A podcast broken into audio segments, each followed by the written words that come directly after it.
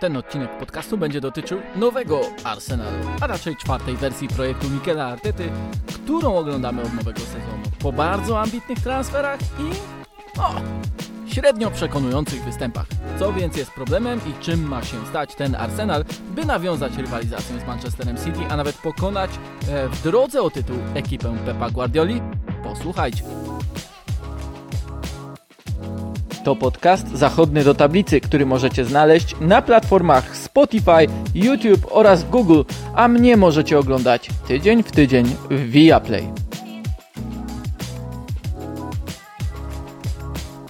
Gol na 0 do 1 Andreasa Pereiry w meczu Arsenalu z Fulham to dla mnie doskonały przykład na wszystko, co obecnie dzieje się w Arsenalu na początku tego sezonu. Wiem, że to gol stracony, że Arsenal zdobył 7 na 9 punktów możliwych, ale pozwólcie mi to e, dokładnie wytłumaczyć i przypomnijcie sobie też to całe zamieszanie.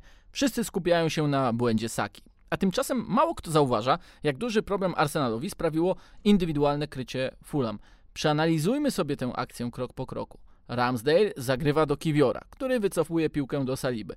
Po piłkę schodzi Partey, ale dosyć niepewnie, nie zostając między liniami obrony i pomocy przeciwnika, lecz robiąc tam miejsce na zejście jeszcze Odegardowi.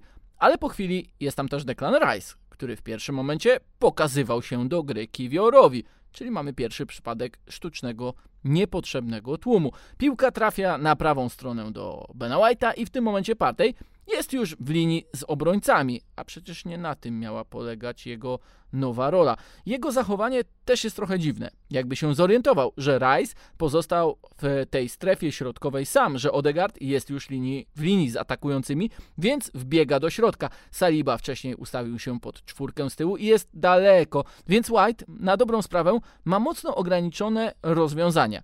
Gdy ma piłkę, może ją zagrać do Rice'a pod pressing dwóch rywali, może szukać Odegarda zagraniem wymijającym linię pomocy Fulham, ale no byłoby ono bardzo ryzykowne. Mógł też wycofać oczywiście do Ramsdale'a lub zagrać po prostu e, na wolne pole jak najdalej od własnej e, bramki. Wybiera jednak opcję ryzykowną, a więc podanie do Rice'a, który jest ustawiony tyłem do bramki przeciwnika, nie widzi, może nawet nie spodziewa się ataku, udaje mu się odegrać do Saki, który też jest poddany pressingowi i może jedynie zagrać wstecz. Do kogo próbował podać? Trudno tutaj zgadnąć, bo przecież White jako środkowy obrońca znalazł się przy linii bocznej, a Partey jako prawy obrońca był już środkowym pomocnikiem.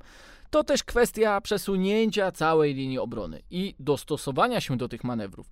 I do tego, kto te manewry wykonuje. Kiwior jako lewy obrońca zachowuje się inaczej niż Timber. Mniej chętnie schodzi bliżej osi środkowej boiska, także dlatego, że Saliba utrzymuje swoją pozycję bliżej lewej strony, a White już nie tak angażuje się mocno e, w podchodzenie wyżej. Taka była też zauważalna zmiana w grze Arsenalu względem drugiej połowy. Gdy spojrzymy w grafikę StatsBomb, na której średnie pozycje są pokazane wraz z częstotliwością podań wymienianych między zawodnikami, jak i znaczeniem e, ról danych piłkarzy w stworzonych okazjach, wyrażanych oczywiście golami oczekiwanymi, to dostrzeżemy, że w pierwszej połowie możecie na. Oczywiście grafikę zobaczyć na mojej stronie facebookowej do tablicy, ale w pierwszej połowie White, Partey, Odegaard i Saka byli niemal w jednej linii pionowej ustawieni. Oczywiście to tylko uśrednione pozycje, ale daje to wyobrażenie problemu, jaki miał Arsenal ze znalezieniem zawodników między liniami w środkowej strefie boiska, z wymiennością pozycji na skrzydle i nawet z przyspieszeniem akcji, bo gdy porównamy to ze strukturą tych średnich pozycji w drugiej połowie, to dostrzeżemy, że choćby wraz z pojawieniem się Fabio Vieiry, Arsenal zyskał tego zawodnika dodatkowego między liniami i to wyżej niż Declana Rice'a to nie koniec, bo największą różnicą było pojawienie się Ediego Nketiacha, a więc napastnika będącego po prostu między stoperami, tam gdzie wcześniej nie było nikogo. Bo kolejnym problemem Arsenalu w ustawieniu z Martinellim, Havertzem i Trossardem było to, że grali bi bardzo blisko siebie na lewej stronie. Ich kombinacje, gdy zachodziły, były rozgrywane na bardzo małej przestrzeni, która też ułatwiała Fulham wyblokowanie przeciwnika. To skoro jesteśmy przy ustawieniu w atakowaniu, warto powiedzieć o Havercie, a więc tym dodatkowym ofensywnym pomocniku, który miał zastąpić Granita Czakę. Wręcz miał wnieść poziom wyżej grę ofensywną Arsenalu. No i Arteta bronił go mówiąc, że wielokrotnie, nawet z Fulham, znajdował się w odpowiednich przestrzeniach, no ale koledzy nie zagrywali mu piłki. To jedna strona medalu. Ta druga, według mnie, to to, że Havertz nie wykonywał ruchów w drugie tempo i nie był wystarczająco aktywny też bez piłki. W tym względzie Czaka ze wszystkimi jego ograniczeniami był bardziej zdecydowany. zdecydowany. Havertz chce uczestniczyć w małej grze, ale jako zgrywający, a nie ten wykonujący ruch. Wiele o grze Arsenalu w pierwszej połowie mówi to, że najlepsze szanse kreowali po szybkiej zmianie strony w ataku pozycyjnym, czyli tych podaniach, które potrafili wykonać no choćby White czy Odegaard. I to ma być ten nowy Arsenal. To oczywiście też mogło wynikać i z tego, jak blisko siebie była ustawiona defensywa Fulham i z tego, że w tej nowej strukturze mieli piłkarze Arsenalu problem z odnalezieniem właściwych rozwiązań w grania piłki do środka, wewnątrz te właśnie, wewnątrz tych formacji Fulham. Ale do tego muszą się też trochę przyzwyczaić. Trzech ostatnich rywali Arsenalu to drużyny, które broniły bardzo blisko własnego pola karnego, skupiając się na ograniczaniu przestrzeni niż wchodzeniu w pojedynki ze skrzydłowymi.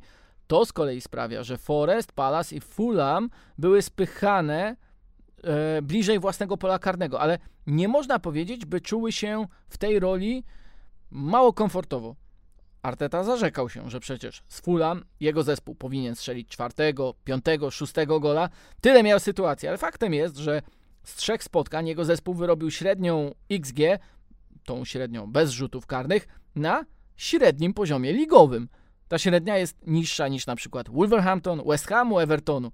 Tymczasem Arsenal jest drużyną zdecydowanie najczęściej wprowadzającą piłkę w strefę obrony przeciwnika.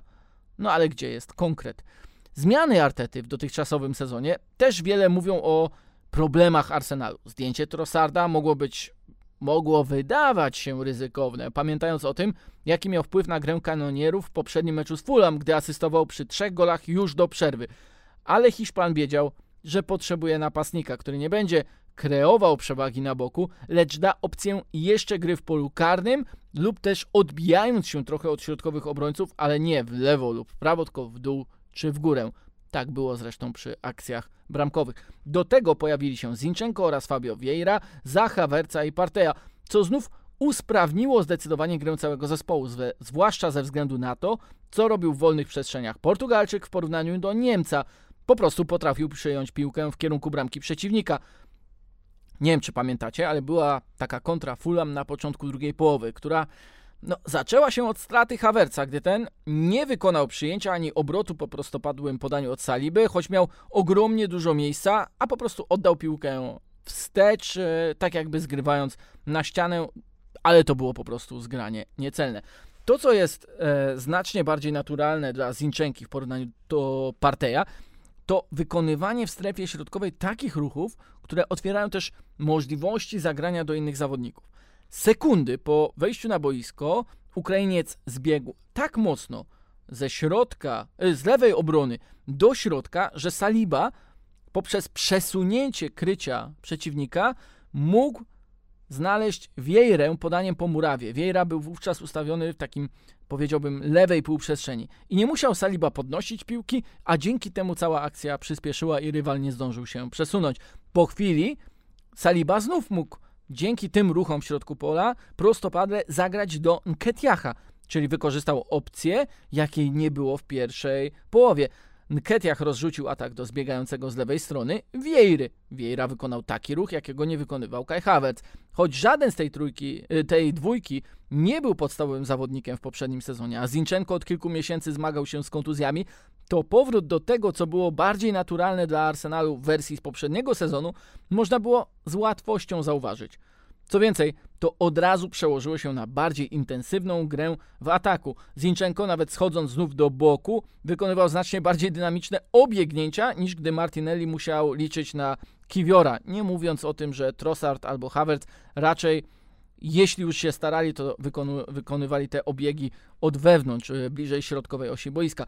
Brazylijczyk najlepszą szansę w meczu miał wtedy, gdy sam wykonał taki ruch i dostał podanie od Rice'a jeszcze w pierwszej połowie. A rzut karny to w ogóle wynikał z tego, że Vieira wykonał taki ruch, jakiego nie robił Havertz i też wreszcie Martinelli, bo On był szeroko rozstawiony, miał do kogo zagrać.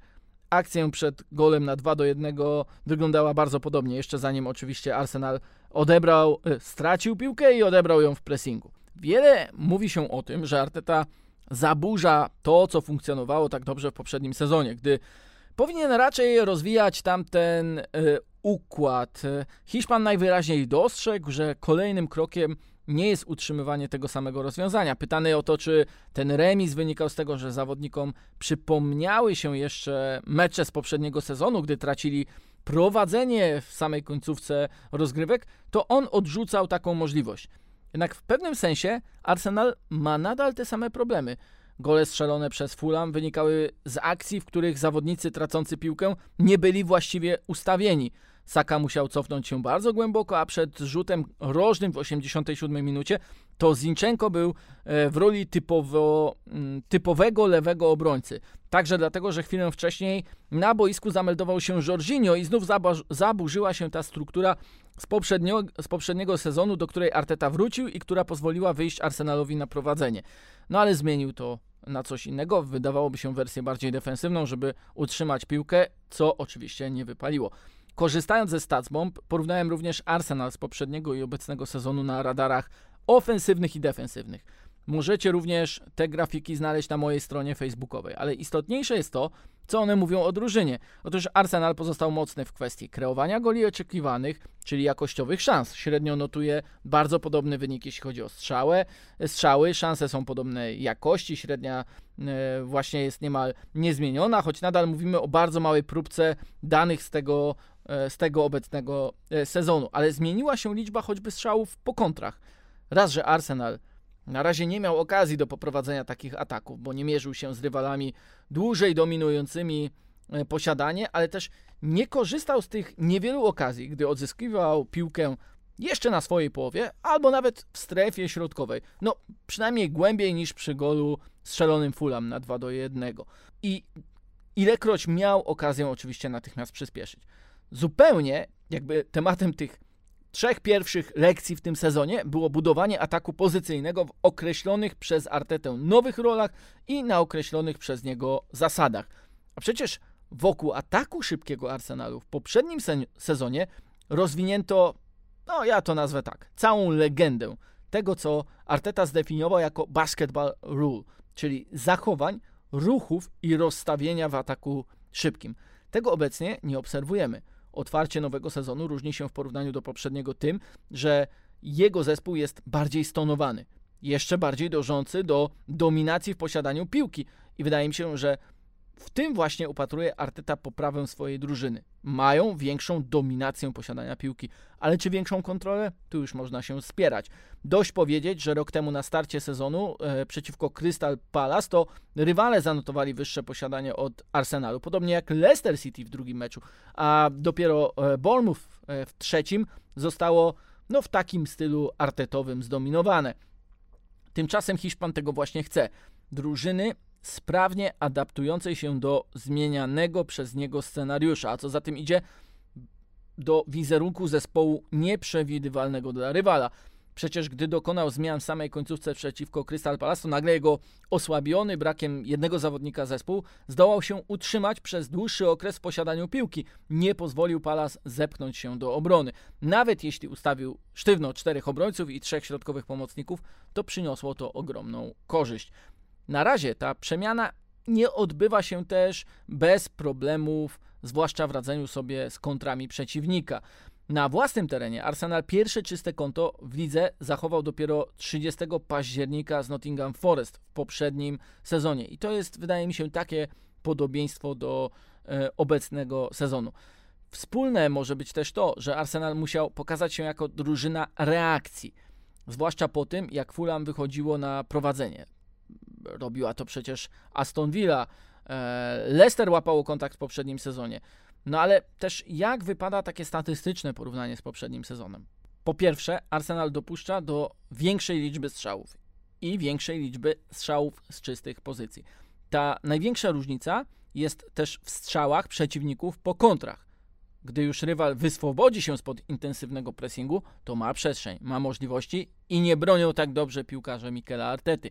Może to też wynikać z tego, że Arsenal indywidualnie, mówimy tutaj o poszczególnych zawodnikach, dostosowuje się swoim ustawieniem defensywnym, gdy ma jeszcze piłkę i gdy ją nagle traci, inne są automatyzmy, albo inaczej, tych automatyzmów jeszcze nie ma bo gdzie indziej są też wolne przestrzenie, które trzeba zabezpieczyć. Inaczej musi się zachowywać Ben White. Saliba nie współpracuje, czy też nie asekuruje już Gabriela. Inaczej, czyli mniej agresywnie też interweniuje Kiwior w porównaniu właśnie do Brazylijczyka. Remis z Fulham jest jakby krokiem wstecz w porównaniu do tego, co Arsenalowi udawało się wypracować wypracować w nowym sezonie. Po pierwsze, ze względu na wynik i to jeszcze z grającym w osłabieniu rywalem. Po drugie, przez błędy uwypuklają, uwypuklające niepewność zawodników w nowych systemach, które przygotowuje na różne momenty Arteta. Po trzecie, bo adaptacja nowych piłkarzy nie przebiega tak optymalnie, jakby tego Hiszpan chciał. Najwięcej dał Declan Rice, e, jednak musi się on sam zmieniać. Nie jest tym samym piłkarzem, co e, w West Hamie.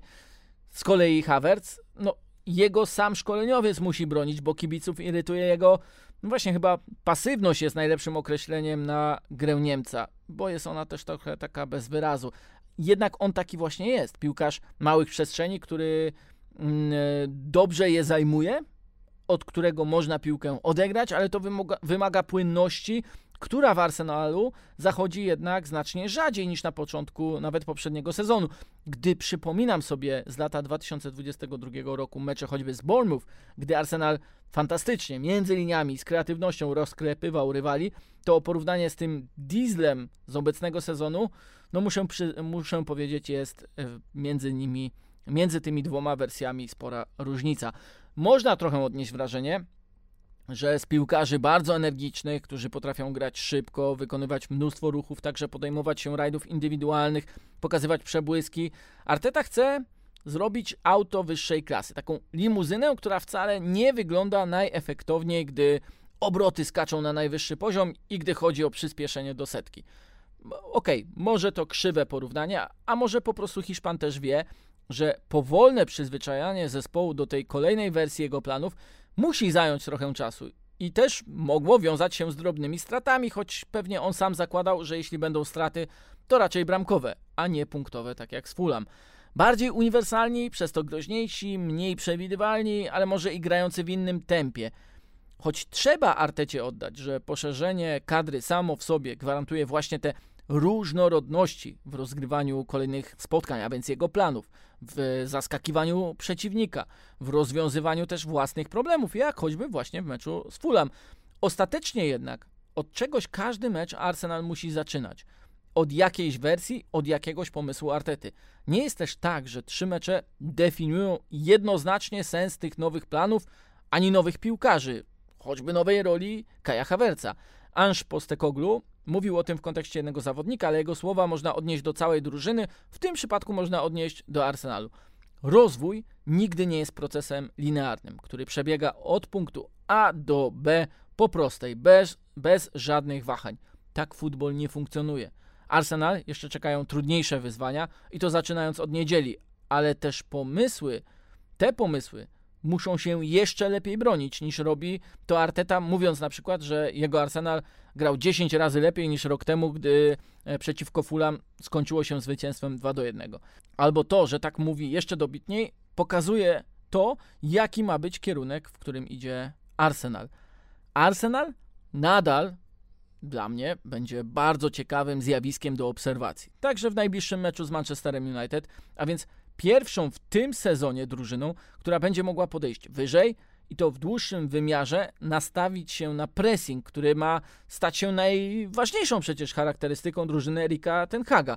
W poprzednim sezonie United byli drużyną fajnie weryfikującą rozwój ekipy Artety. Przypomnijcie sobie, bo porażka na Old Trafford została odniesiona głównie w wyniku kontr United, choć sama gra Arsenalu była dobra, zasługująca na lepszy wynik, taka, która też zasłużyła na wiele pochwał. Z kolei na Emirates wynik był bardziej na styku, 3 do, 2, 3 do 2 wygrał Arsenal, ale przewaga drużyny Artety nawet bardziej była dobijająca, pokazująca, że z obiecującej drużyny kanonierzy stali się poważnym kandydatem do mistrzostwa. Tak, wtedy też rywale strzelili gola po stracie Bukayo Saki, a drugie trafienie to zamieszanie i brak determinacji Arsenalu przy bronieniu własnej bramki po rzucie rożnym przeciwnika. Może jednak w Arsenalu pewne rzeczy się nie zmieniły. To tyle w tym odcinku podcastu. Będę wdzięczny za wszystkie komentarze, polubienia, subskrypcje na moich stronach i kanałach. e, A my już w najbliższych dniach widzimy i słyszymy się na streamach Via Play. Dzięki i do usłyszenia.